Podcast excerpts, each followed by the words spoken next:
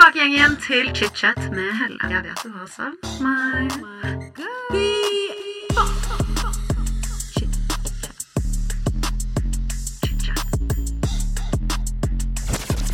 I dag får jeg besøk av realitystjerne og influenser Christian Brennhovd her i studio. De aller fleste av oss kjenner jo igjen Christian fra reality-serier som Ex on the Beach og 71 grader nord, men i dag skal vi også få høre om oppveksten og tenårene hans. Christian er jo adoptert fra Colombia og forteller i dag om prosessen bak adopsjonen og om oppveksten på Oslo vestkant. Christian var jo nylig med i siste sesong av Ex on the Beach med kjæresten sin Caroline Nitter, så hvis dere har hørt på chit-chat før, så forstår dere kanskje at jeg må jo grave litt i det. Jeg lurer på hva som skjedde bak kameraene, hva som faktisk gikk for seg. Er det staged, er det ikke staged? Dette blir en episode med a lot of drama. Litt operasjoner, litt tenner i Tyrkia, så be aware. Men det er ikke noe annet å si dere enn velkommen tilbake. Christian Brennov, velkommen til chit-chat. Tusen takk.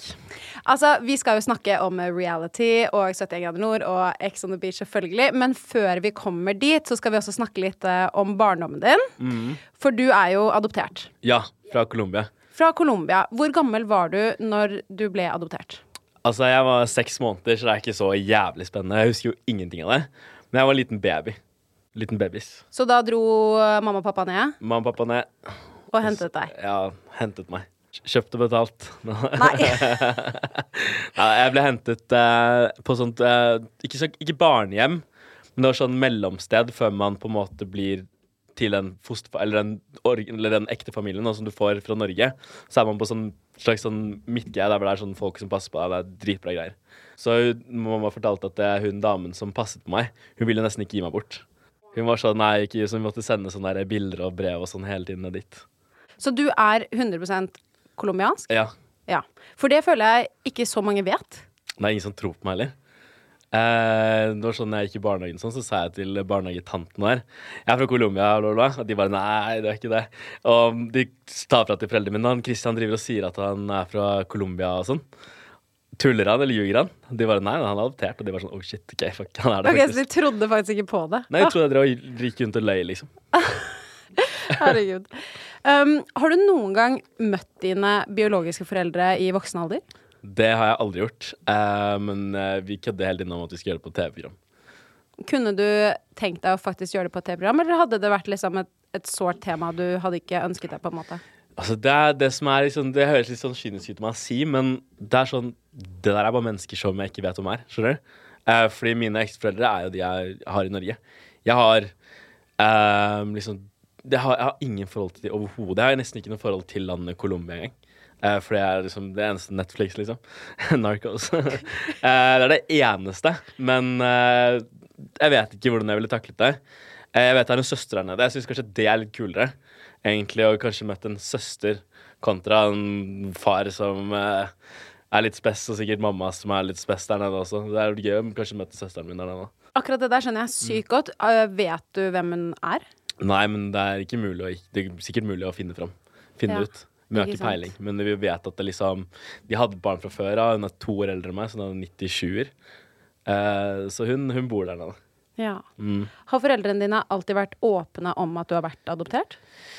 Uh, ja, så lenge jeg kan huske, egentlig. Derfor jeg gikk rundt og sa det i barnehagen. sånn, For jeg har aldri hatt noe sånn folk Jeg har aldri skjønt meg på folk som syns det der er så vanskelig tema å snakke om.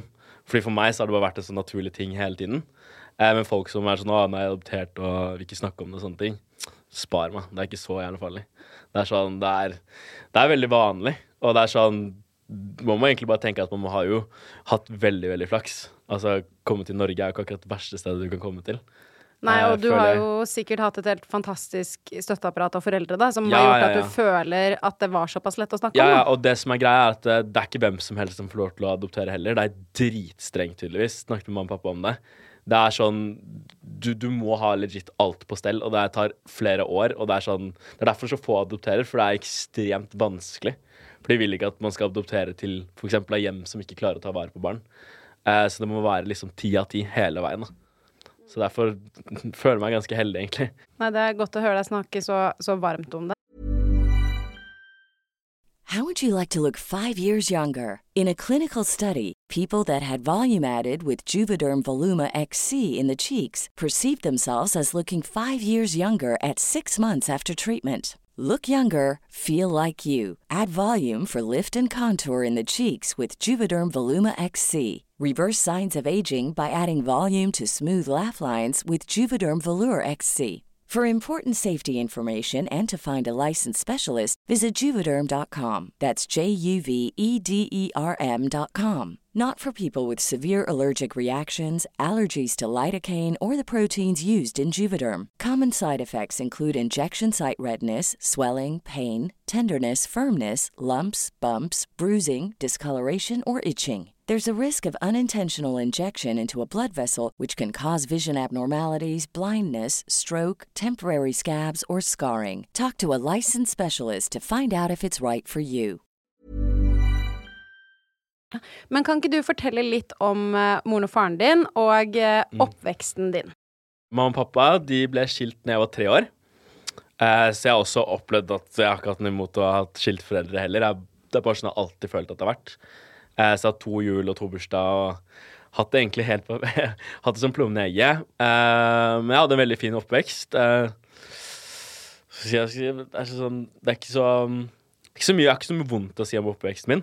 Annet enn at jeg syns kanskje at uh, skolen og sånn har jeg aldri likt. Så jeg syns skolen kanskje var det kanskje det tøffeste med å på en måte bli eldre. da. Begynne på skolen. Det syns jeg var dritt fra første dag, faktisk. Ja, nei, det, jeg, kan, jeg er helt med deg. Jeg syns også skolen var noe herk og bare vanskelig, og jeg selv har dysleksi, og jeg bare, Ja, ja. alt var bare sånn Og jeg hadde så mye lopper i blodet. Jeg har ikke fått utredet meg for om jeg har noe ADHD eller ADD eller noe som helst, men jeg bare det kan godt hende, for Ja. å si det på den måten. Fordi jeg føler jeg var all over the place. Var du, følte du litt på det samme? på en måte? Ja, eller det, jeg følte liksom at jeg, jeg tror ikke jeg likte den følelsen at jeg Jeg liker fortsatt ikke det, egentlig. Å bli bestemt over. Ok, nå gjør du det. Nå må du gjøre det, nå må du sitte stille, og nå må du følge med, og det, inter, det interesserte meg ikke. Jeg tror det bare interesserte meg mindre jo mer jeg ble mast på, på en måte. Så jeg gadd ikke å begynne å følge med. Jeg var nesten Jeg vil ikke si at jeg var sånt, Jeg var kanskje litt problembarn, som man ville sett det på sånn der, men jeg var jo ikke slem eller sånt noe. Så jeg var jo veldig godt likt av veldig mange lærere. Jeg var ikke så flink i timene. Uh, så det var liksom det som ble med. Og det var sånn Det var ikke at jeg skulket skolen heller. Jeg var bare veldig mye på skolen, men fulgte ikke med. så jeg var bare var der for det sosiale, egentlig. Uh, men uh, aldri likt skolen. Det var veldig deilig når jeg bare var gammel nok til å ok, finne ut at eh, nå, nå, er nå, er jeg ferdig. Nå, er jeg, nå gidder jeg ikke mer. Så jeg droppet ut av videregående. Ja, du gjorde det, ja. Mm. Men hvor er du oppvokst, egentlig? I Bærum. I Bærum. Ok, Ja. yes. Så jeg er oppvokst på Jar. Og pappa har da bodd eh, litt på Kjelsås. Eh, og så ble det slutt der, så han flytta til eh, Østerås. En sånn midlertidig sånn leilighet. Vi bodde der et par år. Og så flyttet han til eh, Smestad. I det huset der han bor nå. Med, med den damen han er sammen med. Altså, jeg føler vi er fra helt samme område. Ja, det er. Sånn, er, hvor eh, er du fra? Altså Ullern. Altså, Ja, Ullern. sånn Holmenkollen, Ullern, eh, liksom Lilleaker, Ja, ja, ut der, mot liksom eh. Bærum-ish. Mm. Så jeg føler at vi er sikkert Det er samme, eh, samme opplegg. samme ulla. Samme Ulla. Oslo vest. Mm. Men hvis du droppet ut fra videregående, hvor lang tid gikk det fra å droppe ut av videregående til du ble med for første gang på Ex on the Beach? Um, jeg droppet ut når jeg var 18 eller noe sånt. Nå. Nei, jeg var, jeg var 17. Eh, og da gikk jeg en sånn PT-utdanning. Så det var gøy å gjøre det, men det var ikke noe gøy å jobbe som PT. Dritt. Eh, og jeg fullførte heller ikke hele utdanningen, for jeg fikk jobb før jeg var ferdig. Men så fant jeg ut at det her var jo dritkjedelig, syns jeg, da. Eh, jeg hadde ikke tålmodighet til å trene andre likevel. Jeg var mest glad i å trene meg selv. Eh, så da droppet jeg ut der. Eh, russ skulle jeg også fortsatt være. Så den, den, den russetiden, den, den tok jeg, den òg. Eh, jeg er kanskje den som nøt den til det fullest, for jeg hadde ikke noe skole å møte opp til. Og da hadde jeg heller ikke noe jobb etter russetiden, så det var jo litt sånn tungt da. Da ble jeg singel også i russetiden, så det var jo fantastisk. Du ble singel i russetiden. Eh, ja, og Ja. da er jeg jo 19 år. Eh, Ja. Og da dro jeg Husker jeg dro Jeg hadde en sånn drøm om å liksom dra til Los Angeles og begynne å jobbe som promotør der og sånn. Så jeg gjorde det. Jeg dro til LA, begynte å jobbe som promotør som 19-åring. Jeg var ikke gammel nok til å Nei, komme for det var akkurat det du sier. Du er ikke gammel nok til å Nei, drikke nei, nei, der eller det, gjøre noe det, som helst. det skjønte ikke de, og det dreit de. Så jeg jobbet jo der med en annen sånn halvt norsk og halvt eh, spansk og halvt amerikansk typ eh, fyr. Jeg kunne litt norsk og litt engelsk og litt sånne ting. Eh, så vi bare jobbet der, og jeg var der i to måneder eller noe, og bare jobbet der. Basically. På pestet, egentlig. Men hvor, altså sånn, hvis du Hadde du noe penger? Hvor bodde du? Ja, jeg fikk jo penger for å ta med jenter inn på utesteder og sånn. Å ja, så det betalte jo for boet ditt og alt, selvfølgelig. Ja, det betalte jeg. Fikk jo, jeg tjente jo sånn 1000 kroner kvelden der en periode. Som var chill. Når jeg var 19 år, så var det dritchill. Men det gikk jo like mye penger ut, så jeg gikk jo i minus, minus, minus. minus. Jeg hadde jo jobbet meg hjem til Norge til jeg akkurat nådde skattegrensen, 55 000 kroner. Og da tenkte jeg da sier jeg opp jobben. Nå stikker vi til LA. Så Jeg har sånne, jeg har gjort sånne helt, Men det gjorde jeg da jeg var 19. Eh, da dro jeg hjem derfra blakkere enn jeg noen gang jeg har vært. Jeg kom hjem til Norge. Da hadde pappa funnet ut at da skal jeg flytte hjemmefra. For da var det litt eh, Kom hjem full og sånn, var ikke helt eh, OK. Eh, selvfølgelig. Å ha med seg jente hjem også var ikke helt eh, Det var ikke helt um, var ikke helt innafor. Eh, det er for- fullt forståelig nå.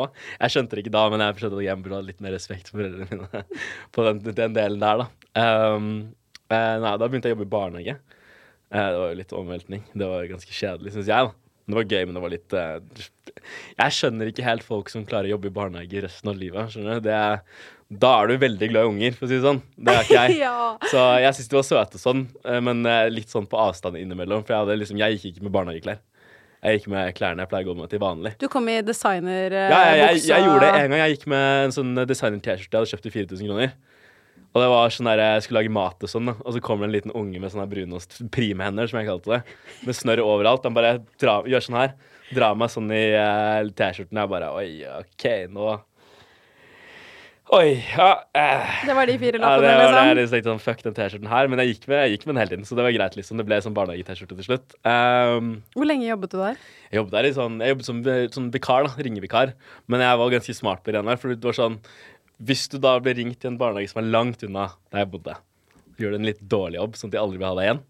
Um, liksom sånn Gidder ikke å rydde, bare er der og leker, men gidder ikke å rydde etter meg. Ikke sant? Bare stikker jeg. Uh, og da fikk jeg aldri jobbe der igjen. Men de barnehagene som var ganske nærme med der, der gjorde jeg dritgod innsats. Det var hyggelig med de ansatte. Jeg skjønner det bare var sånn du vet, sånn prat med henne overalt. Da fikk jeg jobbe der hver eneste gang. Så det var jo som jeg hadde fast jobb. Jeg jobbet bare sånn to-tre forskjellige barnehager, de tre jeg likte å jobbe i. Så det var supersmooth. Der ble jeg hadde best sånn middag, sånn mat sånn. Hadde sånn varm mat, og de barnehagene likte jeg. Egentlig så er det sånn Det er jo ikke greit, men det er jo egentlig dritsmart. Ja, det er jo det. Egentlig. Ja, men det var ikke at jeg var slem med ungene, det var bare at jeg bare gadd ikke å høre på de andre som jobbet der. Sånn at jeg var en veldig dårlig vikar. skjønner du? Ja, ja, jeg skjønner hva du mener. Ja, ja, ja. Eh, så da var jeg bare veldig god vikar i de barna jeg likte. Så barna de elsket jo meg. Uh, men så sluttet jeg med det. Og da var jeg jo 19, så jeg ble egentlig spurt om å være med på Ex on the Beach da, men da kunne jeg ikke være med, for det er 20 år. Å, det er 20-årsgrense? Ja, det er 20-årsgrense? 20-årsgrense, for de, selger, de serverer sprit sånn. det. Å, selvfølgelig, de skjenker jo sprit som Ja, gærninger. selv om det er i utlandet, så har ikke det noe å si. Det må være, det er norske regler som gjelder. Eh, og da måtte jeg vente et år. Og det har vært året liksom, da jobbet jeg litt, og så bla, bla, bla. Festet veldig, veldig, veldig, veldig mye. Eh, jeg tenkte sånn, ja, jeg skal ha litt ekstra og sånn, så da var det greit å bare Skjønner jeg Jeg må supplere på showet, liksom. Ja, ja, ja. ikke sant. Eh, det var da, ikke nå mer. Uh, men uh, jo, så fikk jeg være med, da. 2020. eh, sesong tre. Ex on the Beach. Jeg, tenker jeg. Nå Dette her er liksom min vei ut av det jeg syntes var dritkjedelig å være hjemme og bare ikke gjøre noen ting. Jeg bare følte at jeg må, nå må, jeg må bare gjøre noe. Jeg må bli kjent. Jeg fant ut at jeg må bli kjendis. Så ikke så har jeg ikke noe her å gjøre, tenkte jeg.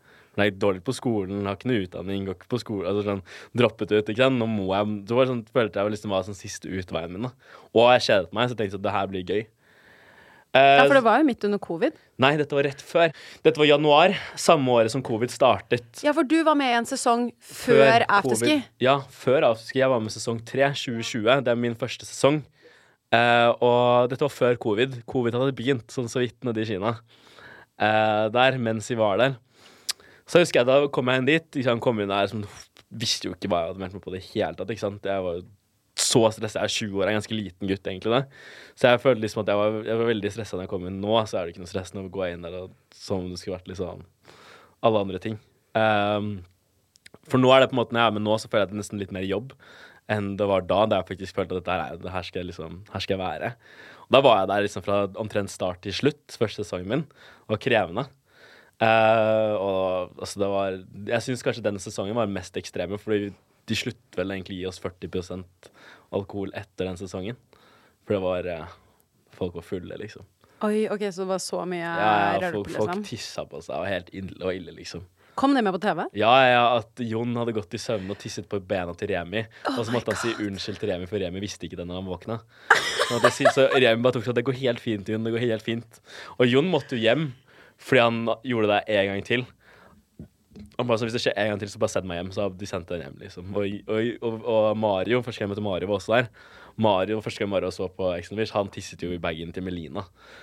Altså, Oh han trodde det var my han God. tisset, skjønner det var det, Du kan tenke at det, det, det går ikke stille for seg, ikke sant? Nei, det var akkurat det jeg skulle si. Jeg bare, det, da ville Nei, jeg ikke vært i ellers, rommet. ellers Liksom. var det Enten så var det El- eh, Melina, ellers var det Andrea Madsen. En av de to. Uh, uansett, da. Det var ikke greit, skjønner du. Eh, og det var bare veldig mye. Og da var jo det at Pierre Daniel var der. Eh, Ariel Søyland, som var med på Altså, det var så mye legender Ja, med ah, i den sesongen. Det var liksom, hør nå, det var, det var liksom meg, bla, bla, det der, og så var det Ariel, som var med på Paradise for 100 år siden. Ja, ja, ja. Pierre, broren hans Daniel, som har vært sammen med uh, Ariel. Eh, Adrian Selvold kommer inn på et tidspunkt. Melina var der. Eh, Mario Altså, skjønner, det var liksom Det det var, OGs. det var liksom Det her var liksom Det vil si den siste bra, ordentlig bra sesongen av Ex on the Beach er sesong tre. Det var liksom først én dritbra, to ikke så bra, tre boom, der smeller det. For det er alle liksom De fikk alle personligheten inn. Øystein, Linn, alle sammen. Alle, alle vi som har kommet ut av det programmet med noe som helst form for inntekt etterpå, var jo med på denne sesongen. der. Alle andre, alle andre bare falt rett av. Veldig, veldig gøy. Men av alle realityshows, Mm. hvorfor ønsket du å være med på akkurat Ex on the Beach? Um, det var egentlig ganske taktisk av meg, for jeg tenkte sånn Paradise Hotel har gått i alle årene. Så det ser folk på, og tenker ikke så veldig mye om. Ex on the Beach har gått to sesonger nå, så hvis jeg kan være med på den tredje sesongen, så er det fortsatt relativt nytt. Og man kan liksom fortsatt imponere litt, skjønner du. Det er veldig lite du kan høre på, på Paradise Hotel for å imponere deg om du vinner, liksom. Men til og med da så er du litt kjip, skjønner du.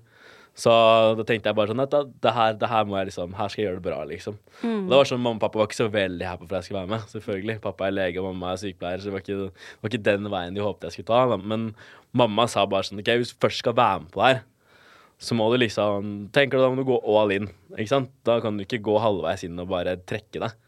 Nå skal du drite deg ut skikkelig. Ikke sant? Det er, det er, det er, det er en vinnermentalitet da, som jeg syns er viktig å ha. At hvis du først er, hvis du, okay, hvis du først er dum nok til å melde deg på Ex on the Beach, så ikke meld deg på, og så etterpå står du med pikken i hånda og griner. Du kan ikke gjøre det.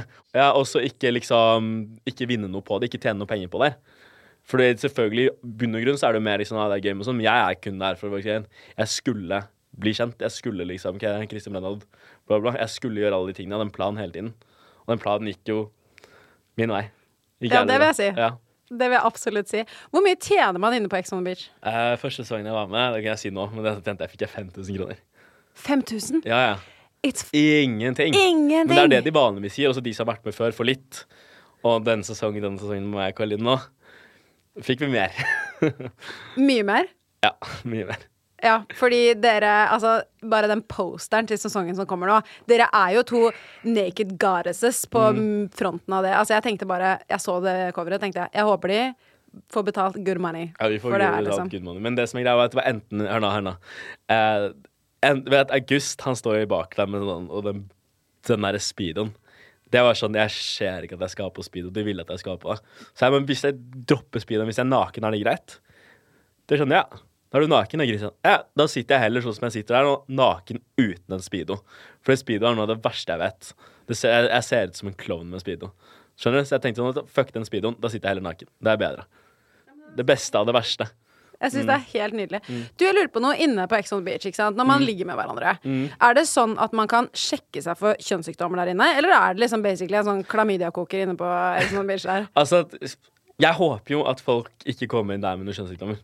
For å si det sånn, Hadde jeg blitt smittet etter jeg har vært med på sånt program, så hadde ikke det gått stille ut. for det sånn. Eh, jeg hadde visst akkurat den der, for det er på video. Det var du? Det var du. Eh, fordi man sjekker seg jo eh, på forhånd. Man må ta helsesjekk, man må ta blodprøve og sånn, så ingen har aids som kommer inn der. skjønner du? Det har vært helt katastrofe. skjønner du? Det, det, det går, kan man jo ikke ha. Skjønner du? Har du noen gang tenkt på det? Hvis noen har aids, kommer de inn her og seks med alle sammen, alle andre har faen meg aids. Da er sånn, Da er du fucked. skjønner du? Så vi har jo blodprøve og sånne prøver og sånn, så man får jo innsyn av det. Men produksjonen får ikke den testen. Men du blir jo anbefalt å liksom, ok, har du noe, så får du det fjerna før du kommer inn. Så de sjekker faktisk alle deltakerne for kjønnssykdommer før man drar inn? Mm. Og forskjellige sykdommer. Men herregud, egentlig veldig responsible. For jeg visste ikke dette. Jeg trodde alle bare dro inn der, og så var det sånn Ja, ja, du får håpe at du sjekket det kan deg, jo gå liksom. skikkelig gærent hvis man gjør det. Ja, for akkurat det jeg skulle Så si. Altså, det, det kan de jo ikke, det kan de ikke gjøre. nei, nei, nei. Så man får ikke sjekket seg, og man får vaksiner og alt mulig. Når vi er i Brasil, så må vi ha to vaksiner, hepatitt B og gul feber. Er det sånn at uh, dere får sexleketøy og kondomer der inne, eller må dere ta med det selv? Uh, vi må ta med sexleketøy selv, uh, men de andre årene så har det vært sånn det sånn glidemiddel. Vi har vært sånn sponset av Lyco og noe greier. Sånn glidemiddel og noe greier. Det var ikke det i år, og noen kondomer og sånn, men det er jo ingen som brukte kondomene. Det ble jo ikke brukt i det hele tatt. Så det var jo det var helt på trynet å ha det der. Men vi hadde muligheten, da. Du hadde muligheten, Ja, men men ingen tok muligheten. Nei. Jeg tror ikke kondom er det første du tenker på. Jeg tror du tenker mest på at det er kamera der. Egentlig sånn, sånn egentlig. Men det har jeg ikke litt merket til før nå jeg kom inn med kjæreste, at det, det er noen som ser på. Ja, for gikk det liksom inn Ja, det gikk Nå? inn på meg nå sånn midt i plutselig. Jeg bare Oi, Jesus Christ. Det var sånn Oi, det er ja. mm. Men hva tenker du om det, da? Nei, jeg bryr meg egentlig ikke. Det er sikkert fint for de som sitter og ser på. Ja. Og de sitter og ser på, for jeg snakket med han Hegseth. Han har jobbet med The Low Island-greiene, så han har jo vært litt, han fulgt med litt på sånn kamera. Han bare 'Christian, de ser på'. Jeg bare ja, det, det gjør de helt sikkert. Å, herregud, selvfølgelig. Det har jeg ikke tenkt over. At Tenk så gøy noen- det er da du sitter der, og du er på bakrommet og holder kameraene. Så, kan nest, så hadde jeg sittet der, så hadde jeg liksom Kan jeg vedde på nå at bla, bla, de to kommer til å ha sex? Kan man liksom vedde et par hundre kroner liksom på det? Det har vært lættis å gjøre. Ikke sant? Yes! Ikke sant, Mini? For du ser det på kamera. Yes! Kan jeg blage ut? Det har vært så jævlig gøy at jeg har jo lyst til å sitte bak der og jobbe med altså, Jeg personlig følte nesten at jeg og Karoline kom inn som to programledere inn på, denne, inn på Exxon. Men jeg følte sånn i to sekunder at jeg kunne vært programleder på et sånt program. Jeg syns jeg burde vært for dårlig til å være et programleder på et sånt type program. Eh, jeg gidder ikke Paradise, for det er jo blitt litt uh, Ikke helt det jeg har lyst til å være programleder for. Jeg syns det har blitt litt kjedelig. Men det er bra du sier det her, da. Mm. Så nå er du ute i verden. Ja. Kristian vært, er keen på å være programleder for X. ja, jeg har lyst til å være Step programleder, og så har jeg lyst til å ha et eget talkshow. Jeg har lyst, jeg har lyst på alt. Jeg har lyst til å ha alt det greiene. Så du har skikkelig lyst til å bare Jobbe med TV. Ok, jobbe med produksjon og alt ved det, da? Og som programleder ja, altså, jeg gidder ikke å jobbe som kamera og som produksjon, produksjon, men at jeg har på en måte ikke Du får lov til å være liksom eh, sånn liksom talkshow, vært liksom leder for greiene her. Ta inn folk, og så gjøre et eller annet gøy med dem. Det har jeg lyst til å gjøre. Det er, det er jo senere jeg føler at det, det kan jeg gjøre når jeg er litt eldre. Akkurat nå så tenker jeg at nå kjører jeg TV-løpet først, først, eller først, liksom. Få vært med på det programmet, på det programmet og det programmet og det programmet. Og gjøre litt sånn andre litt uh, ting på siden av bla, bla. Og så etter hvert når jeg liksom blir eldre, bare pff, kjøre inn på OK, nå er det TV-program, liksom. Hvilke andre realityshows kunne du tenkt deg å være med i?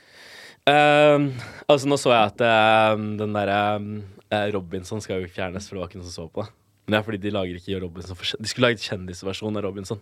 Det var dritgøy. Og det hadde vært gøy! Ja, hvorfor gjør de ikke det? Hvorfor tok de fordi, Men jeg tror fordi, Ja, at det kommer. Ja, jeg er veldig sikker på det kommer. Men bare hør nå.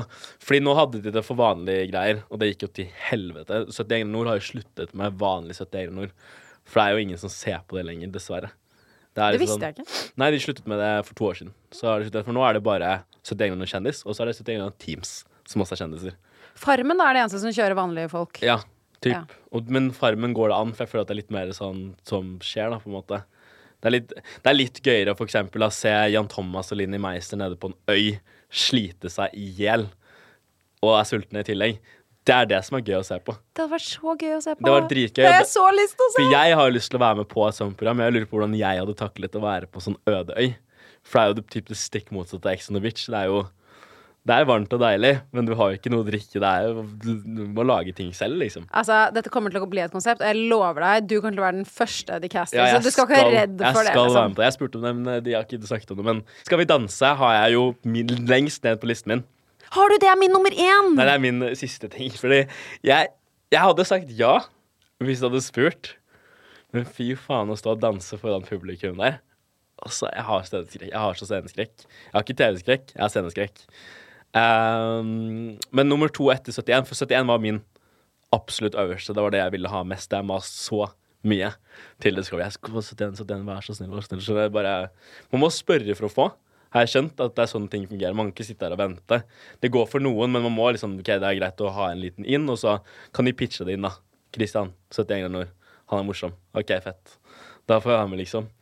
Eh, men så er det Farmen er Eller nei, Kompani Lauritzen, og så Farmen. Og så alt det andre etterpå. Jeg synes, Men jeg synes Kompani Lauritzen hadde vært jævlig gøy. Jeg tror du hadde passet sykt bra inn på Kompani, faktisk. Herregud. Men vi må jo snakke litt om din kjære. For du møtte Ja. jo Karoline inne på Ex on the Beach, men Mm. det var jo da på afterski-sesongen. Ja, Ja. i Hemsedal. I Hemsedal. Midt under covid. Yes. Mm. Hva var det du falt for ved Karoline? Um, altså, jeg må fortelle liksom hvordan jeg egentlig kjenner Karoline fra før av. Ja. Eh, fordi eh, eh, Ja, vi tenker eh, Jeg møtte møtt Karoline én gang før det, på et utested. Eh, og tak i sånn strøm, faktisk. Eh, og da var jeg med noen kompiser og sånn. Og, um, og min daværende eks. Eh, og eh, da husker jeg bare at jeg så på Karoline jeg syntes hun var pen, liksom. Eh, eh, vi snakket ikke noe sammen, eller noen ting, men Karoline hadde da kommet til min eks og sagt at jeg hadde veldig fint hår, mente hun da. Så har hadde sagt det, og så fikk jeg høre det. og liksom, yes. uh, og etter det så tenkte jeg sånn Hm, ja, Karoline, liksom. Men da trodde jeg egentlig hun holdt på med en kompis av meg. Eller var det sånn, et faen, en kompis min snakket veldig mye om henne. Han jeg bodde med, egentlig. Uh, jeg tror han hadde tenkt å invitere Karoline ut på en date, han jeg bodde med da. Uh, så jeg bare ja, du må gjøre det, du må gjøre det. Skjønner du? så der. Men det var tydeligvis aldri noe greie, egentlig. Og så møtte jeg Karoline en gang i et- kryss ved Sats Elexia ved Colosseum der. Og så fikk jeg vite at hun skulle være med på afterski-greia før jeg selv hadde tenkt å være med. Så det var en av grunnene til at du sa Ja. at du ville være med? Ja. Var du singel da? Ja, OK. Så da tenkte jeg bare, vet du hva, jeg, den nå, til å benytte den sjansen her nå, så ringer jeg produksjonen og sier hei. Jeg hører at dere skal ha en afterski-sesong. De bare, hæ, hvor har du hørt det? Jeg bare, nei, jeg vet dere skal Slutte det, slutt å tulle, liksom. For jeg er litt sånn hemmelighetsfull, Liksom. Så ja, men jeg har lyst til å være med. Og de bare, og de bare ja, du, du skal være med, Christian. Jeg bare, ja, det var som forventet, for jeg vet at de, de, de sier jo ikke nei når jeg spør.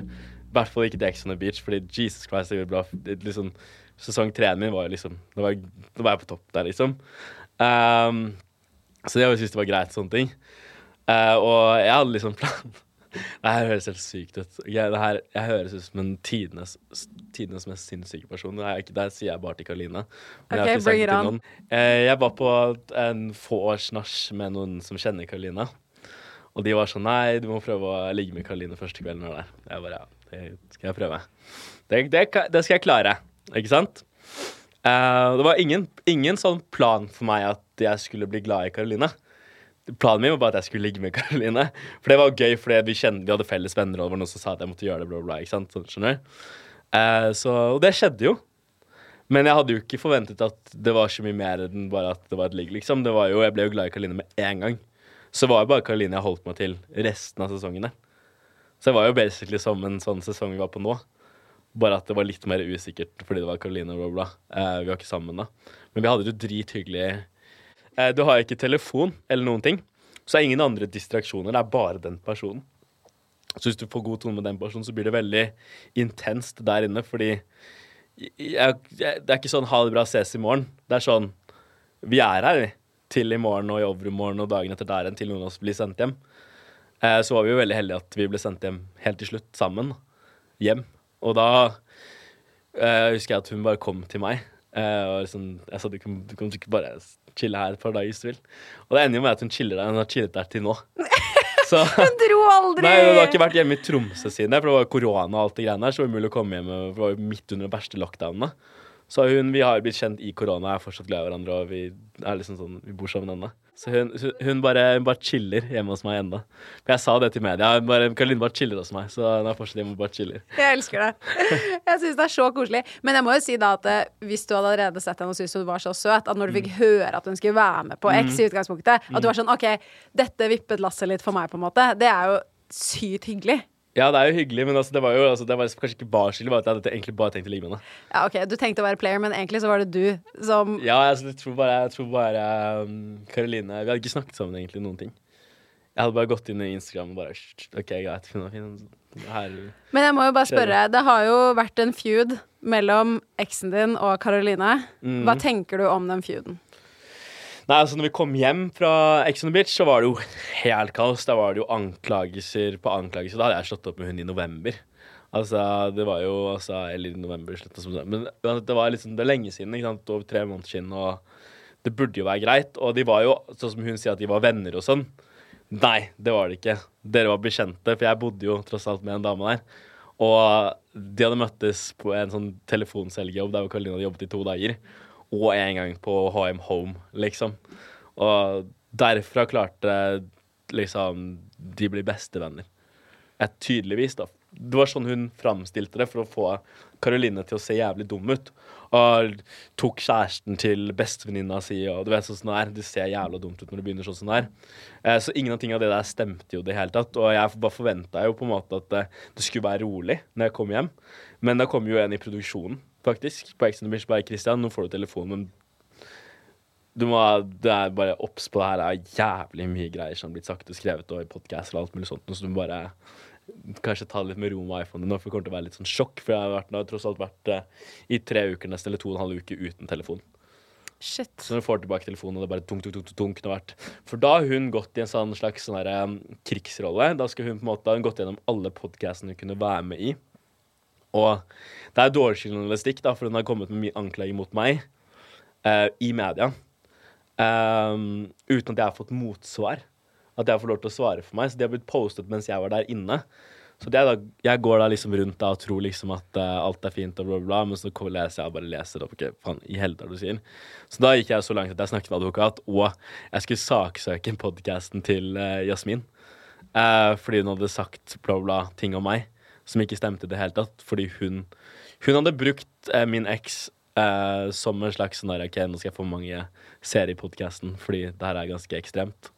Ja, ja, det er jo ikke greit å tenke, i hvert fall hvis du ikke hadde mulighet til å, å Nei, si imot. jeg var jo på her, TV. Ja, fordi du hadde jo ikke mulighet heller, mm. fordi du visste jo ikke at det skjedde. Nei. Men det skal også sies at sånn som når du sitter og snakker her nå, dette er også fra din side av saken. Mm. Og du har jo din side, og hun har jo sin side, og Karolina sin side. Hun har jo fortalt oss om det her i podcasten. Men uh, ja, nei, det, det skjønner jeg var jævlig vanskelig, mm, og litt men, kjipt sikkert også. Ja, jeg skjønner det, var, det er kjipt og sånn, men altså, liksom, når det er slutt, da, når det er slutt, så burde man på en måte klare å la hverandre være i fred. Og spesielt siden det har vært sånn Det var aldri rolig før jeg dro på X. Det var sur når jeg dro på X, det var sånn der, der men um, jeg trodde liksom at det skulle være litt sånn chill der. Men uh, greia var at det var noen andre som hadde vært inn på X, blitt sendt hjem før oss, sladret litt i hun, og så var det bare bam, bam, bam. bam. Å, herregud, selvfølgelig. Så er, folk er så stygge at du får klare den all... Altså, du oppfører jo oss som noen sånne små drittunger hele gjengen. Jeg er derfor jeg er drittlei av de greiene her nå. Veldig lite kontakt med folk som har vært med på reality. Jeg er med, og så er jeg litt sånn see you never etterpå. Annet enn 71 grader nord. De folka jeg var med på 71 grader, helt fantastisk. Uh, men akkurat Ex on the Beach sånn, det, det gidder jeg ikke lenger. For det er de er liksom sånn Det er ingen som på en måte unner en da at um, noen får til noen ting. I hvert fall ikke av de kidsa der, holdt jeg på å si. Eh, sånn som i år også. Det er sånn De prøver jo å ta meg på alt det er, fordi den personen som har ikke har fått like mange følgere som de trodde de skulle få, da Jeg går jo etter noen som har mye flere følgere for å få en kommentar fra meg. For når de får en kommentar fra meg eller Karoline, så får jo de følgerne våre Skjønner du? Da går det liksom opp. sånn at Trikset er egentlig bare at når det kommer en sånn liten hater og har vært med på TV, bare ikke svar på noen ting. Bare la det gå. Du kan skrive, du kan bare fortsette å bombardere med drit. Tar det en uke, så er det glemt, liksom. Det er, det er ikke så farlig. Mm. If you thought the only way to get a more defined jawline with natural looking results was through surgery, think again. Juvederm Volux XC is a non surgical injectable gel filler that improves moderate to severe loss of jawline definition and can help you achieve natural looking results with little downtime. Even better, this improved definition lasts up to one year with optimal treatment. No maintenance required. Improve jawline definition for a smooth, sculpted look with Juvederm Volux XC. For important safety information and to find a licensed specialist, visit juvederm.com. That's J U V E D E R M.com. Not for people with severe allergic reactions, allergies to lidocaine, or the proteins used in Juvederm. Common side effects include injection site redness, swelling, pain, tenderness, firmness, lumps, bumps, bruising, discoloration, or itching. There's a risk of unintentional injection into a blood vessel, which can cause vision abnormalities, blindness, stroke, temporary scabs, or scarring. Talk to a licensed specialist specialist to find out if it's right for you. How would you like to look five years younger? In a clinical study, people that had volume added with Juvederm Voluma XC in the cheeks perceived themselves as looking five years younger at six months after treatment. Look younger, feel like you. Add volume for lift and contour in the cheeks with Juvederm Voluma XC. Reverse signs of aging by adding volume to smooth laugh lines with Juvederm Volure XC. For important safety information and to find a licensed specialist, visit juvederm.com. That's J U V E D E R M.com. Not for people with severe allergic reactions, allergies to lidocaine, or the proteins used in Juvederm. Common side effects include injection site redness, swelling, pain, tenderness, firmness, lumps, bumps, bruising, discoloration, or itching. There's a risk of unintentional injection into a blood vessel, which can cause vision abnormalities, blindness, stroke, temporary scabs, or scarring. Talk to a licensed specialist to find out if it's right for you. Du, langsiktig. Jeg må spørre deg, sånn med tanke på Karoline. Du nevnte jo nå at du har lyst til å liksom være mye i TV, men kunne du også sett for deg et liv med giftermål og barn? Et mer A4-liv med Karoline? Mm. Jeg tror ikke jeg kunne sett for meg et A4-liv. Men jeg kunne godt sett for meg et litt unormalt liv med unger. Eh, senere, selvfølgelig. Jeg er ikke klar for å få noen barn nå. Eh, men eh, det, er fullt mulig. Men jeg føler liksom sånn Det er så mye ting jeg vil være ha på plass først, da, før jeg skal eh, bringe en liten Christian junior her til verden. Eh, for han skal ha en like bra oppvekst som jeg hadde, føler jeg. Så det er viktig for meg. Så da er det liksom Da, da føler jeg Da må alt være på stell, liksom. Både økonomisk og levestandarden og sånt skal være høy. Så da, da er det viktig, det er viktig bare, Jeg vet ikke hvorfor det er viktig for meg, bare sånn at ikke det skal være sånn at jeg, jeg haster noe. At de må liksom ja, det, Nei, jeg bare liker ikke å ha tanken på at hvis uh, Alt må bare være 100% på stell, egentlig. Men altså, det er jo kjempefint. Jeg har helt lik tanke. Sånn, jeg har ikke lyst til uh, å få barn i den leiligheten jeg bor i akkurat nå. Nei, jeg har jo ikke et soverom ekstra Nei, det til barnet. ikke sant? Og det er sånn Det er derfor enten så, så jeg tenker at jeg gjør det, og hvis jeg føler at okay, nå er jeg liksom skikkelig Nå er jeg liksom familiestandarden her, med et hus og en hund og stor bil og alt det greiene der, da går det. Da kan jeg ha det. Da, det, da føler jeg at det er riktig av meg å få barn ut i den verden. Jeg skjønner ikke folk som bare får barn. Altså, noen kan ikke noe for det, men noen bare får barn, og så er det ikke bra nok hjemme. Sånn som jeg føler at det burde være. Sånn som Jeg hadde jo tilfeller på skolen min også, i, til og med i Bærum. Der at man, man ser på en måte de ungene som har det litt vondt hjemme. skjønner du? Og Det har kanskje gitt meg veldig sånn innvirkning på meg at okay, de foreldrene har ikke gjort sånn som mine foreldre har gjort. da, på en måte. Og sånn vil ikke jeg at mine barn skal ha det hvis jeg skal få barn senere. Så enten så må jeg ha det sånn, eller så får jeg ikke barn i det hele tatt. Det er enten eller. altså. Men jeg synes egentlig du har, du har jo reflektert mye rundt det, så det er jo Ja. absolutt ikke et eh, altså, dumt svar. Jeg føler at det er bare egentlig veldig reflektert. Det er viktig, bare viktig å passe på at uh, de har den de trenger, tenker jeg. da. Ja, Nei, det er fint. Du, apropos, jeg bare må hoppe bitte litt tilbake til det med X, bare fordi det ble jo veldig nylig nå lagt ut eh, en episode i går. Den episoden kom jo ut da en uke etter den episoden, Ja. eh, hvor det er veldig mye drama. Og jeg må bare spørre da eh, Karoline er jo klippet kanskje ikke så pent Nei. i den episoden. Nei. Og jeg bare lurer på, er det accurate, eller vil, si, eller vil du si at det er klippet kjipt? Eller var hun kjip, hvis jeg kan Nei, svare altså så det som jeg vil si med Karoline, at jeg, jeg tror hun trodde hun skulle takle Ex on the Beach veldig mye bedre enn det hun gjorde. Det var tøffere for henne enn det var for meg å være der. Og vi var jo der med meg, eh, kjæresten hennes, og vi var kjærester og sånn. Så jeg tror bare at for Karoline, som er litt mer sensitiv på litt uro og litt sånne ting, og det med sengegreiene, og det var ganske møkkete, spesielt på jenterommet og gutterommet. Det var ikke Folk går inn og ut med sko, og det er drikke overalt. Det eneste rommet som var veldig rent og pent, var det til meg og Karoline. Som egentlig er Sigrid-rommet, som vi kalte det i min sesong, men det var på en måte Karoline og Kristian sitt rom, da.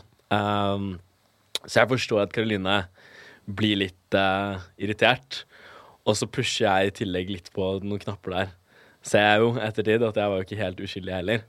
Og da, sant, da raknet hun helt. Og da Jeg syns kanskje ikke TV-en framstilte så mye dårligere enn det det var, men det var kanskje selvfølgelig alltid litt mer reflektert hvis man hadde fulgt med hvis kameraet hadde gått 24 timer i døgnet og man kunne sett eksakt hva som har skjedd. Og det var mye som på en måte ser ut som vi er veldig slemme f.eks. mot Jeanette og Fredrik, men jeg skjønte jo hele tiden at det der opplegget deres er jo sånn PR-stunt ut av en annen verden. ikke sant?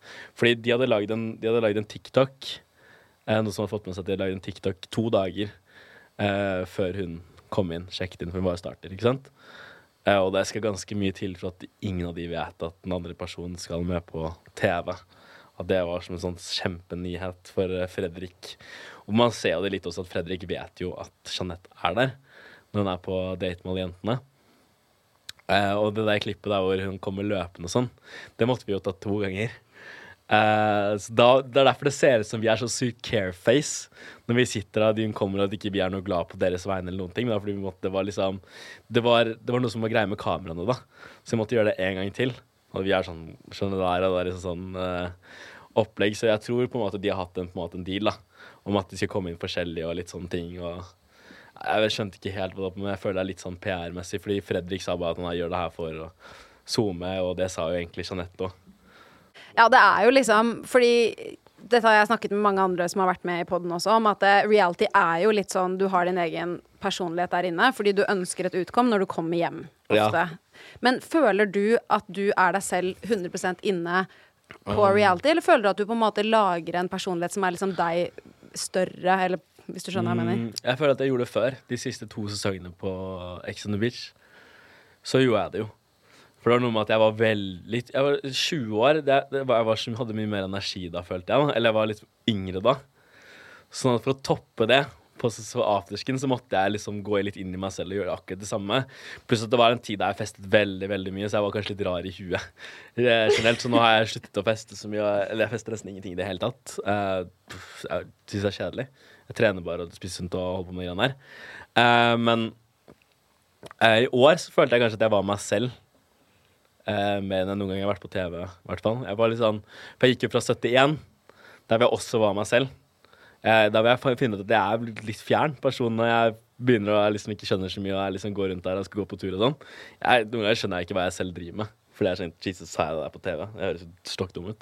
Uh, men ja, så jeg følte kanskje derfor jeg var veldig rolig på TV nå på, uh, på Exxon Beach. For jeg følte liksom at jeg Jeg ville ikke ha den derre um, Christian Brennod fylla opplegg-greiene så veldig mye mer. For jeg er litt sånn over det. Sånn, så jeg vil liksom kanskje ikke ødelegge alt det hadde bygd opp på 71 grader nord. Ja, Så du føler at du prøver å jobbe mot et image som er litt Litt, eh, litt, litt Ikke så nødvendigvis mye mer stuerent, men litt mer sånn folk kan like. Mm. Litt den du kanskje egentlig er? Ja, litt den jeg mer egentlig er. Ja. Jeg har jo noen god oppdragelse, liksom. Ja. Det syns ikke alltid eh, på TV. Men altså, jeg må si jeg syns du gjorde en kjempeprofil i 71. Ja. Og jeg må si noe av det mest episke jeg syns med hele 71-sesongen, er vennskapet mellom deg og Vegard. Jeg ja. syns dere to er så morsomme sammen. Er dere venner fortsatt? Vi er venner fortsatt. Snakker dere sammen? Vi chattes eh, rett som det er på melding og Snapchat. Og vi var, var, var jo med på premierefesten min på Ex on the Beach. Tok jeg med Fritz og Vegard på premieren på Ex on the Beach. Veldig gøy. Det var dritgøy. Veldig, veldig gøy. Mm. Er det noe fra reality du har vært med på som du angrer på, eller skulle ønske at du ikke hadde gjort? Uh, nei. Jeg har jo meldt meg på alt på egen vilje. Eller sagt ja på egen vilje. Det er sånn, Jeg føler ikke at folk kan si at de angrer hvis du har vært med på Ex on the Beach og sånn. Og jeg angrer så sykt på at jeg var med der. Det du angrer på, det er at du ikke fikk nok følgere. Fordi du trodde at du dreit deg ut for mye. For, for, for, for, avkastningen var for lav. Det er det du angrer på. på en måte. Men det er ganske sånn, du har ganske mange sjanser på å si nei, jeg har ikke lyst til det her før du får være med på program. Du må jo tross alt ta blodprøve, du må ta helsesjekk, du må til legen. Det er en ganske lang prosess. Så når folk sier at de angrer, så da, skjønner jeg da må du ha vært uh, fjern hele veien. Altså, Jesus Christ. Jeg synes Det er kult at du sier at det er liksom så mange steder du kan på en måte si nei. Fordi det er ikke som om du bare sier ja en dag, og så plutselig nei, er du, du liksom Du må jo liksom- skrive under på kontrakt, og du må jo skrive under på alt. Det er ikke sånn at du bare sier ja, og så sånn Ja, i morgen så setter du på fly liksom ned til uh, Brasil. Nei, du har, et, du har et par måneder på deg. Ikke sant. Men du, vi må snakke om noe annet også. Ja. Uh, jeg har veldig lyst til å snakke med deg om dette fordi i oktober i fjor så fortalte du til VG at du hadde blitt overfalt og ranet. Noe som gjorde at du endte på legevakten. Mm. Kan du fortelle om hva som skjedde der? Ja, eh, det var jo faktisk på Exon Beach eh, premierefest for sesong fem. Eh, vi hadde vært der på noe greier der med noen vi kjente. Og så stikker vi derfra så stikker vi på Gamla en liten tur. Bare sånn ikke Det var nærmeste utestedet Lættis. Uh, og så uh, Og så skal jeg finne taxi. Så jeg går da ut av utestedet der. Uh, jeg går jo med dress og bla, bla. Så jeg ser jo relativt fin ut, holdt på å si. Uh, og da husker jeg bare at jeg gikk liksom med en gjeng bort og tenkte sånn Det er hyggelige kompiser, liksom. Bla, bla. Så går jeg bort der, og så plutselig skjer det noe. Jeg tror jeg blir dyttet eller et eller annet piss. Det var noen som var truende eller noe sånt. Noe. Så jeg blir stående der, da. Eh, og da liksom For jeg var ganske full, så jeg husker ikke helt hva som skjedde. Plutselig at jeg ble slått ganske hardt i hodet, så jeg husker ikke så detaljert hva som skjedde. Men det jeg vet, var at jeg var absolutt ikke truende, for jeg og Karoline vi hadde hatt dritgøy på byen. Altså Vi hadde ikke kranglet, det var ingenting, liksom. Vi bare, det var dritgøy. Vi skulle bare hjem. For vi tenkte at nå drar vi hjem når klokka er mye, liksom. Eh, og da husker jeg bare at eh, jeg skulle gå rundt i hjørnet for å se om det var en taxi der. Og da husker jeg bare at jeg plutselig bare blir dyttet, og så er det noen som liksom prøver å ta tingene mine, og sånne ting. Og så blir jeg slått i ansiktet, og så havner jeg plutselig ut på asfalten der, og der er det noe som Jeg føler, jeg føler som han sparket meg liksom akkurat her. Rett under nesen. Ja, rett under nesen, og så hadde jeg brist her oppe i nesen. Uh, og så, ja, så ble jeg bare egentlig mørbanka, og så husker jeg med en sånn Dørvakten på Gamle hadde sett det, så han kommer løpende til unnsetning, og han ble også slått. Han dørvakten han dro meg bare ut av hele situasjonen. Og bare liksom tok meg med inn der. Jeg fikk liksom, For jeg blødde jo helt ekstremt mye neseblod. Altså, det fossblødde, liksom. Det var bare blod overalt. Det bare rant. Bare, vet, når det, ikke bare pipler det, men det spruter ut, liksom. Ja, altså, jeg hadde blod over hele meg, liksom. Uh, og Karoline skjønner jo ikke hva som har skjedd, for hun tror bare jeg henter taxi og sånne ting. Eh, så eh, da kommer plutselig sånn fire-fem politibiler, og disse folka, noen sparker i politibilen. Det var helt kaos, liksom. Og det tror jeg var de samme folka som hadde banket meg sånn. De og fulgte etter og sparka i politibilen. Jeg måtte ta et lite avhør når jeg er helt ødelagt. Jeg vet ikke hvorfor politiet gjør det. Hvorfor de gidder å ta avhør når jeg er helt, uh, helt blæsta. Um, og jeg måtte jo til legevakten, for jeg var jo helt ødelagt. Altså sånn egentlig, Men det syns jeg også er rart at ikke de fikser det. Det var sånn jeg måtte ta taxi selv til legevakten. Mens du hadde akkurat blitt grisebanket Ja. og sparket Ja. basically i ansiktet? Ja, de gadd ikke å ringe noen sykebil eller noe sånt. De bare, det var bare Det var bare liksom bare ikke det er veldig uforsvarlig? Ja, det er jævlig. Jeg syns, jeg, jeg, jeg syns politiet sin jobb ettertid med å finne de, bra jobba. Eh, det var jo mye flere som banket meg enn de to gutta som ble tatt. Det var egentlig tre, men som ble Det er så vanskelig med de voldsdomsgreiene, vet du. Fordi det, du må liksom ha videobevis og vite eksakt hvem det er, og ha veldig tydelig for noen kan bli dømt. Selv om det er masse vitner? Vanligvis så blir sånn her bare henlagt, for jeg har ikke tid til å drive med det. Altså Mest sannsynlig, som han advokaten jeg snakket med, uh, sa bare at uh, du har jævlig flaks med at du er offentlig person, fordi media skriver om det. Politiet kommer aldri til å legge vekk en sånn sak som har blitt skrevet så mye om i media. For da ser de fryktelig dumme ut, og det ser ut som de gjør en veldig dårlig jobb. Kan jeg bare si at det er så Jeg føler at mange tror at det ikke skjer i Norge. Hvis du skjønner jeg mener at politiet tar hensyn til media, at vi liksom det- demokratiet er Norge fungerer på samme måte. Det er, Absolutt. Så vi, altså, det er sånn folk blir voldtatt, liksom. Men så lenge du ikke er en person som ikke noen bryr seg om eller ikke er kjent, så er det sånn, ja, hvis du ikke har videobevis, så Sorry. Du har psykolog her, kan du få, men uh, vi kommer ikke til å gjøre noe mer med saken, fordi det er så, det er så lite vitner og alt der. Du kan til og med prøve selge på det. sånn Ingenting de gjør. Så det, egentlig, jeg syns jo det er helt på trynet. Eh, og de sakene da som blir anmeldt, de er ganske grove. De må være ekstremt grove. Eller det må være noen som kjenner noen i politiet. Altså et eller annet som gjør at noen saker er viktigere enn andre. Og jeg er helt 100% sikker på at den saken min hadde blitt henlagt hvis ikke det skjedde sånn som det var i media. 100% Og advokaten min sa også at de politiet var fryktelig kjappe her. Her en, jeg, hadde, jeg hadde blitt banket opp og hadde rettssak på under et år. Oi, det er veldig kjapt. Og det skjer kjapt. aldri. Det Nei. Vanligvis er det noen som blir banket opp, og så rettssaken er om to og et halvt år. Shit. Så hvis jeg ble banket opp i oktober, så hadde jeg nå rettssaken nå i august. Men ja, for du anmeldte det selvfølgelig. Politiet anmeldte. Ja, OK, så de, De gjorde gjorde alt for for meg og holdt på, liksom. Så de var jo veldig på. To, eh, to dager etterpå, rett ned på politistasjonen. Et avhør til i mange timer. Gikk gjennom alle papirer. Jeg, jeg snakket med en advokat, vi fiksa de greiene der, ordna alt det der. Så han sa også at det her har aldri skjedd. Hvordan, hvordan er det mulig at det skjer på under et år? Du har hørt saker, og det er to år til det, det liksom skal skje. Så jeg føler som på en måte offentlig person Du har enten veldig flaks med at det, det er du som er sitter, Altså det er du som er på en måte blitt gjort noe på. Med en gang du gjør noe mot andre igjen, det fungerer på samme måte. Da er de veldig kjappe til å ta deg også. Det er sånn som alle andre ting. Du blir tatt, det er lettere for meg å bli tatt enn det er for en kompis av meg som blir tatt. Mm, så det er jo gode og negative sider. Det er gode og negative sider ved det, syns jeg, men jeg syns også det er sånn. ok Og når jeg først er i rettssaken her og sånn, så var liksom de andre advokatene veldig sånn derre Hvor mye hadde du drukket? Husker du eksakt hvor mye du hadde drukket den 10. oktober for et halvt år, eller sånn åtte-ni måneder siden? Så da sa jeg egentlig bare til hun Men du, jeg lurer på en ting. Husker du hva du drakk den 10. oktober? Nei, du gjør ikke det. Ingen husker hva de drakk for et år siden. Skjønner jeg mener? Så var liksom, det var veldig på der. Jeg følte jo kanskje at de fikk mildere straff for at jeg var så full. De brukte det som veldig sånn eksempel, dritfull. Hvor sjukt er det ikke at det er sånn Ja, fordi han var full, så var det mer greit for deg Ja, ja. å banke han opp. Men sånn er det. Sånn er det. De Ah, advokat, så- advokatene er dritkverulante og jævlig. Hun ene dama var helt jævlig. Sorry, ass. Ja. Dame, Jeg kjenner jeg blir så frustrert. Dame, den kjerringa der. Jeg kunne ønske du var min advokat isteden. Men, men altså, og sånn der. Og så Det er litt sånn merkelig, fordi jeg hadde jo egentlig et krav på at det var sånn rundt 40 000 kroner jeg ville ha. Pga. dressen min koster et par tusen kroner.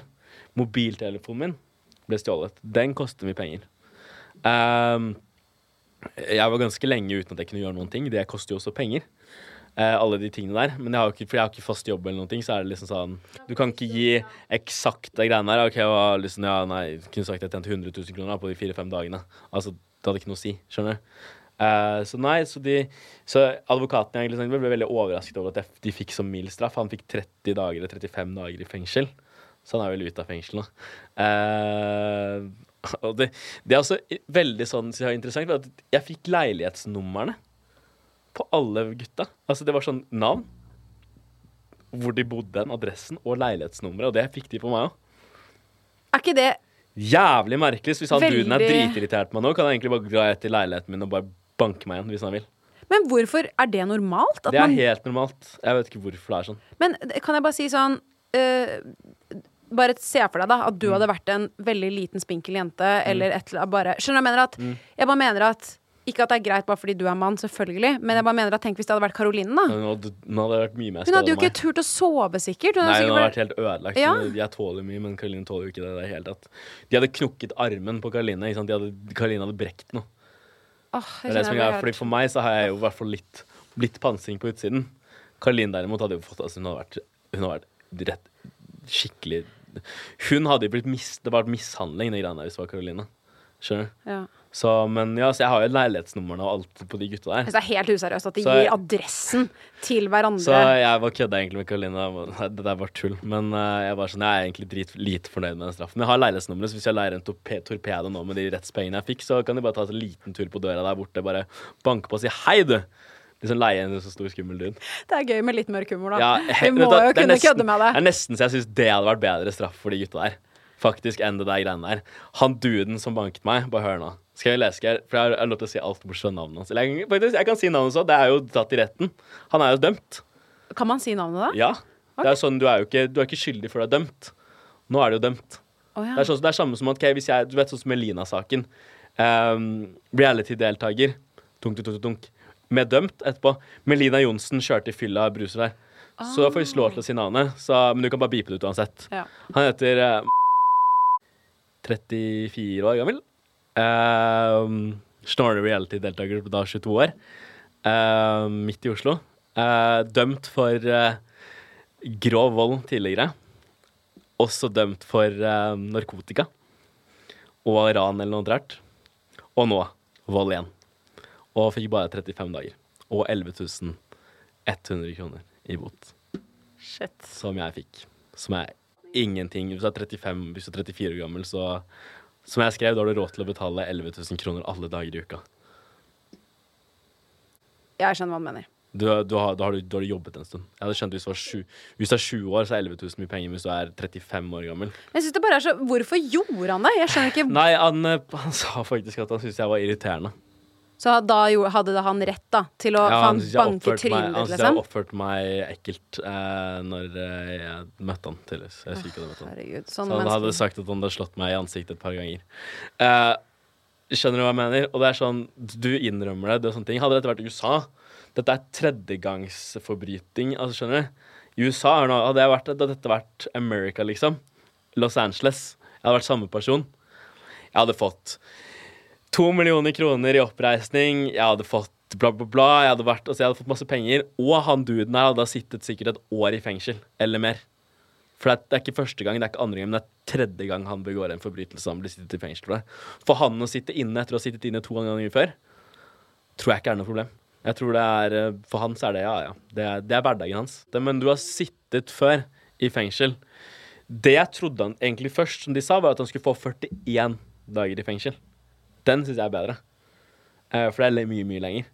Eh, 41, eller, 35? eller det var 46. Jeg husker ikke, det var noe sånt når jeg fikk vite, men så ble det bare nedover, nedover, nedover, og pengene mine bare mindre, mindre, mindre. Ja. Eh, så nei, jeg syns kanskje det norske rettssystemet er litt sånn OK, noen saker At det helt- at de hele tatt kom i retten, er egentlig utrolig. Først det sa advokaten, at det hele tatt er der, det er jo bra nok, egentlig. Mm. Så, men jeg syns bare straffen og alt var bare tullete etterpå. Det, bare var, jeg synes det, det krevde mye mer av meg å møte opp i retten, gjøre alle de der forberedelsene i tillegg, alt det der, enn å få de 11 000 kronene. Da kunne jeg liksom på drite i anmeldte. Skjønner du? Mm, ja, for det var mye mer jobb. Mye mer jobb, Ja. mye mer stress for meg. Få 11 000 kroner enn jeg noen gang altså, hadde sett for meg. Jeg trodde jeg skulle få alt erstattet. Nei, det skjønner jeg er skuffende. Mm. Sikkert sykt skuffende. Det virkelig. Det var veldig skuffende. Når Ja. Jeg fikk den her jeg, jeg leverte faktisk brev i går. Eh, det der oppreisningsbrevet mitt i går. For det kom til post mens jeg var på ferie, så får jeg de pengene om en uke, tenker jeg. Ok.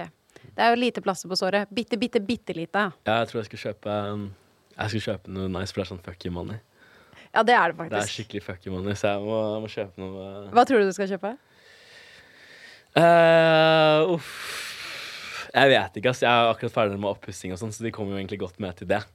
Eh, det ble litt dyrere enn jeg trodde. Jeg visste ikke at elektrik ikke var så jævla dyrt. det. Men eh, det Voksenlivet. Ja, Bare kommer og slår oss i trynet, ikke Ja, sant? det var hardt, altså. Ja, fy faen. Jeg er helt Plutselig skulle han ha 7000 kroner. Tenkte sånn, 7000 kroner har vært der tre ganger. Han har satt opp fire-fem lys. Tenkte sånn. Jesus, jeg må bli elektriker, ass. Oh, herregud. I know. Men du, apropos kjøpe ting. Nå får jeg en smooth inn, uh, inngang Mm. her. De tennene dine. Ja. I need to ask about them. Mhm. De er så hvite, og de Mm. ser så Altså sånn picture perfect ut, liksom. Mm. Du og Karoline dro jo til Tyrkia Mhm. for å fikse de. Og jeg Ja. snakket jo også med Karoline om uh, det. Men jeg bare lurer på, når er det du må bytte de? Når er det du må liksom fikse de neste gang? Mm, de er, vi har garanti på den klinikken. Hvis det skjer noe med dem nå før det, skal jeg bare dra ned igjen for å fikse en VIP-treatment. Sånn at vi har alt dekt. Okay. Det er egentlig det folk betaler veldig mye penger for der nede, som vi fikk dekt, er sånn VIP-treatment. Det vil si at det, vi kommer dit, vi trenger ikke gjøre noen ting, vi blir bare kjørt, kjørt frem og tilbake, de ordner alt for oss, og vi gjør egentlig nesten ingenting. Minst mulig. Litt sånn VIP. Det er litt sånn det fungerer. Det er sånn Alle andre land skjønner hva service er. Norge har ikke peiling. Det der er service. Hvis du går på et norsk sykehus, og du går på et tyrkisk sykehus Da er det privatsykehus i Tyrkia. Jeg tror alle styrker det, men de bra privatsykehusene her Wow! Altså, det er service. I Norge så er det sånn alle har det helt likt, og det er helt jævlig overalt. Bortsett fra hvis du går på de bra private klinikkene i Norge. Da, da pappa jobber på en sånn en, eh, og den er fin. Men uh, ellers er det bare dritt, føler jeg. da. Men jo, den tanngreia, så du må bytte de uh, hvert 15. år. Men det er tilfeller der vi holder i over 30 år. Det spørs hvor flink du er til å ta vare på de. Jeg bruker sånn tanntråd hele tiden. Jeg føler jeg må bruke den nå. Jeg kjenner det, for jeg kan blåse luft, litt luft imellom. Hvis det er helt tett, så må jeg bruke tanntråd, for da er det mat og drit og merke, ikke sant? Oh, ja. Fordi jeg har ikke noe mellomrom der. Nei, Så det har de jo selvfølgelig ikke. Så sånn ikke. setter seg jo fast, så det er veldig viktig å bruke tanntråd. Og veldig flink til å pusse tenner og sånne ting. For ikke så kan du få skikkelig dårlig ånde hvis uh, du ikke passer på de tennene. Det er Ja, for det kan jeg tenke meg. Det kan Mm. jo sette seg liksom bak de sikkert. At mat liksom råtner, basically. Nei, ikke, man ikke under. Nei, det kommer seg eh, ikke noe under, nei. Nei, det er det ordentlig. Hvis du har gjort det på en dårlig klinikk, så kan du få ting gå under. Og hvis du får det under, så får du hull i tennene under, og da må du trekke hele tannen. Oh, Så det er jo det er viktig at du går til et sted som er flinke, og de her folka her tar jo Det er en anerkjent klinikk i Tyrkia. Det er ikke sånn drittsten. Det her er det like dyrt som det er i Norge å fikse tennene. Bare at det er, okay, det er norske tannleger i Norge, derfor de hater de tennene mine. skjønner du. Det er at det, det er veldig dårlig reklame for norske tannleger at vi drar til Tyrkia for å fikse tennene våre. Hvorfor drar vi til Tyrkia for å fikse tenner? Eh, jo, det er litt som at tenk deg da hvis, Når du akkurat har tatt lappen, hvor god er du til å kjøre bil da? Ikke så veldig god. Litt stressa, litt sånne ting. En tannlege i Norge, hvor mange sånne tror du han gjør i året? En, ingen? Eller Fire, kanskje fem? Ja. Seks, kanskje? Du, eller la oss si han gjør 40 sånne i året, da. Med fulle kroner, liksom? Nei, ikke full, jeg har ikke fulle kroner. Jeg har bare fulle kroner nede. Bare fulle kroner nede? Ja, ikke oppe. Men det er veldig få tannleger som gjør dette i Norge. Som sier at kvaliteten på det du får, de sier at det er like bra som der nede. Bullshit. Han tannlegen vi hadde, hun damen faktisk Wow, dametannlege liksom i Tyrkia. Går det an? Ja, det går an. Hun er Dritflink. Hun er den flinkeste på det som gjør at hun er veldig flink til å se hva som passer og ikke passer. Så ser på tennene våre. OK, det her kler du. Så det, de sa at hun er verdensmester på å gjøre det estetiske av tennene dine dritbra. Så hun var jo helt, hun var den beste tannlegen de hadde der. Eh, og hun gjør dette her Det er det eneste hun gjør. Hun er tannlege, men det er det eneste hun gjør, er Renares. ikke sant? Så hun gjør dette her alle dager i året, 365 dager i året. ikke sant, skjønner du? Så hun er jo mester på det. Hvis du skal bli god på noe, så må du gjøre det 10 000 ganger. Hun har sikkert gjort det 10 000 ganger, skjønner du. Sånn at det at tannlegen i Norge sier at å nei, de tennene våre er så dårlige, vi har vært i Tyrkia, de gjør så dårlig jobb der nede, det er bare tull. Vi gjør vel så god jobb, om ikke bedre jobb der nede i Tyrkia, på de bra klinikkene. Og dette er en klinikk som det har stått i New York Times om. Den har vært overalt i avisen i England, og alle de der eh, britiske Low Island-deltakerne har vært der. Masse kjente folk har vært på den klinikken og dritfornøyde. For med en gang det skjer et eller annet drit med tennene dine og du har vært på sånn klinikk, så får jo de Det er ganske stor risk å ta inn så mye influensere. Fordi tapet når det går til helvete, er ganske stor. Ja, da får du i hvert fall høre det. Som oftest, i hvert fall. Ja, og hva skjer da? Ingen drar dit. Ikke sant? Men hvor mye kostet det? Eh, de her koster 80 Mine koster 85 000. Norske kroner. Ja. Ja. Så, Fytti grisen, det er dyrt! Nå tipper jeg nå så er det 90 000. Fordi det er valutaen og sånn er litt fucked. Men ja. Sykt dyrt. Sier du, sier du det til Norge, så har jeg betalt 150 000. Oh my god. Så det er dy dyrere enn en boobjob i Tyrkia. Ja, eh, absolutt. Det vil jeg tro. Mye dyrere òg, faktisk. Mm. Ja, en boobjob er vel på rundt 60. Så her, på et bra sted så er det rundt 40 til 60. Okay. Her er det 100, nei, 90 Ja, nå. ikke sant. Herregud. OK. Nå følte jeg lærte mye om tenner. Men jeg vil si at eh, de tennene her i forhold til eh, de andre folka som har vært eh, på litt andre sentre i Norge, så vil jeg tørre tørre- tørre at jeg og Karoline har fått de beste tennene. Så noen gang er lag, altså sånn som er kommer fra Tyrkia til Norge hit. For veldig mange, jeg vet hvilke klinikker de går på. Det er litt um, Not so good. not so good. Okay. Så vi har det absolutt eh, Jeg vil tro at jeg og Karoline har de fineste tennene i Norge akkurat nå. Okay. Fra den klinikken. Jeg, Men da er du i hvert fall dritfornøyd, Da. det jeg er er veldig viktigste. fornøyd, fordi jeg har venner som også har gjort det der i Tyrkia. Og de tok jo bare bilde av mitt smil. Og de skulle ha akkurat like tenner som meg. Men de ser så annerledes ut enn mine tenner. Å, Det er så forskjellig hvordan de gjør det i utlandet. ja, for de må jo forme de, No, ja, men noen ganger så ser det Mine ser jo fake ut, men det ser jo De er naturlig bygd, skjønner du? Altså sånn, sånn sånn det Det er. er, altså, for å være helt ærlig, så er det bare det at de er så hvite. Ja. Fordi utenom det så ser de jo dritbra ut. Ja, Men det er bare det at de er Men så noen får veldig de der blokkene der de blir for, for rette. skjønner du? De Ja. blir for liksom sånn som der. Og da ser, da ser du veldig sånn Du ser veldig sånn, du har veldig sånn Du vet sånn typisk sånn Hollywood eh, på tidlig 90-tallet. Ja, litt sånn tenna på tørk. Ja, kan man si det? ikke så veldig fint Ja. ut, syns jeg. Men det her er liksom de, det, de ser på en måte litt ekte ut, samtidig som jeg vil at det skal se litt fake ut. Jeg sa jeg vil at det ikke skal se helt ekte ut. Jeg vil at det skal se ut som, men jeg vil ha de hviteste. Som er de BL ones, som det heter. Så du kan bestemme hvithetsgrad? Mm. Herregud, selvfølgelig kan du det. Det er bare. Jeg som naturlig, ikke har tenkt over det. Du kan ha naturlig, din egen, mørkere, lysere.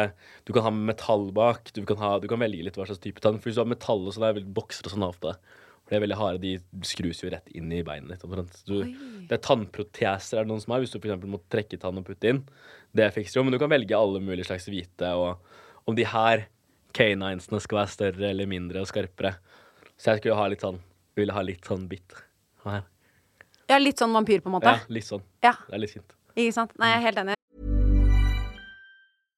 How would you like to look five years younger? In a clinical study, people that had volume added with Juvederm Voluma XC in the cheeks perceived themselves as looking five years younger at six months after treatment. Look younger, feel like you. Add volume for lift and contour in the cheeks with Juvederm Voluma XC. Reverse signs of aging by adding volume to smooth laugh lines with Juvederm Volure XC. For important safety information and to find a licensed specialist, visit juvederm.com. That's J U V E D E R M.com. Not for people with severe allergic reactions, allergies to lidocaine, or the proteins used in Juvederm. Common side effects include injection site redness, swelling, pain, tenderness, firmness, lumps, bumps, bruising, discoloration, or itching. There's a risk of unintentional injection into a blood vessel, which can cause vision abnormalities, blindness, stroke, temporary scabs, or scarring. Talk to a licensed specialist to find out if it's right for you.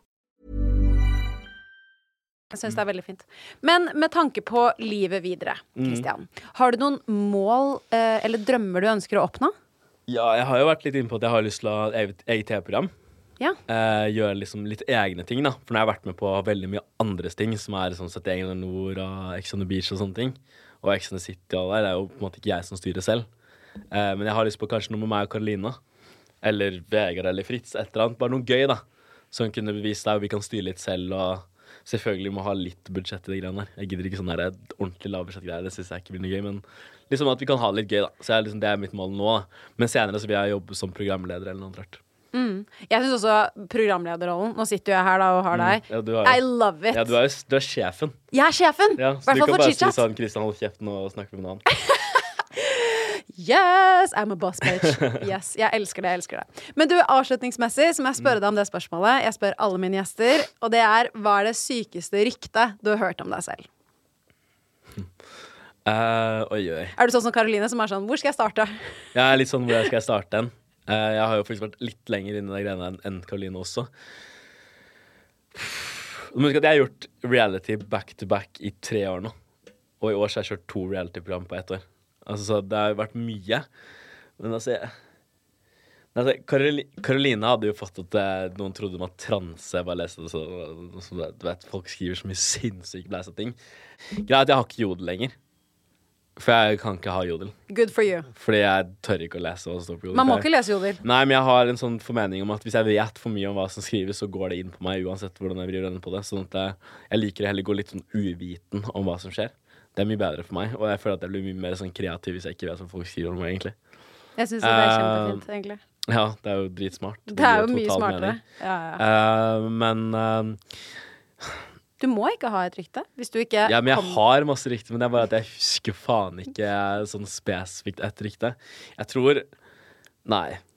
Altså, det har vært mye rykter. Det har vært mye rykter, altså Vet du hva, jeg, jeg vet ikke. Nei, men det er også helt lov. Um, si at jeg har hatt utrolig mye rykter opp igjennom, men jeg tror kanskje jeg har fortrengt mye av de. Eh, og liksom ting, jeg, ting som er Både ting som er sant og usant. Og jeg tenker bare sånn at eh, folk vet hva ryktene har vært, så jeg tror det bare det holder, egentlig. Men jeg tenker at det egentlig er kjempefint, og det er sikkert veldig bra at du ikke oppsøker rykter og ikke leser så mye om det. Det er egentlig helt perfekt Jeg liker, avslutning. leve, jeg liker å leve min egen lille verden, da jeg ikke vet så veldig mye. Det er helt, helt nydelig. Men jeg må bare si, Christian, tusen takk for å ha deg her i Chichat. Det har vært en drøm. ja, Det har vært så koselig å snakke med deg. tusen takk. Tusen takk for at du kom i Chichat. Tusen takk.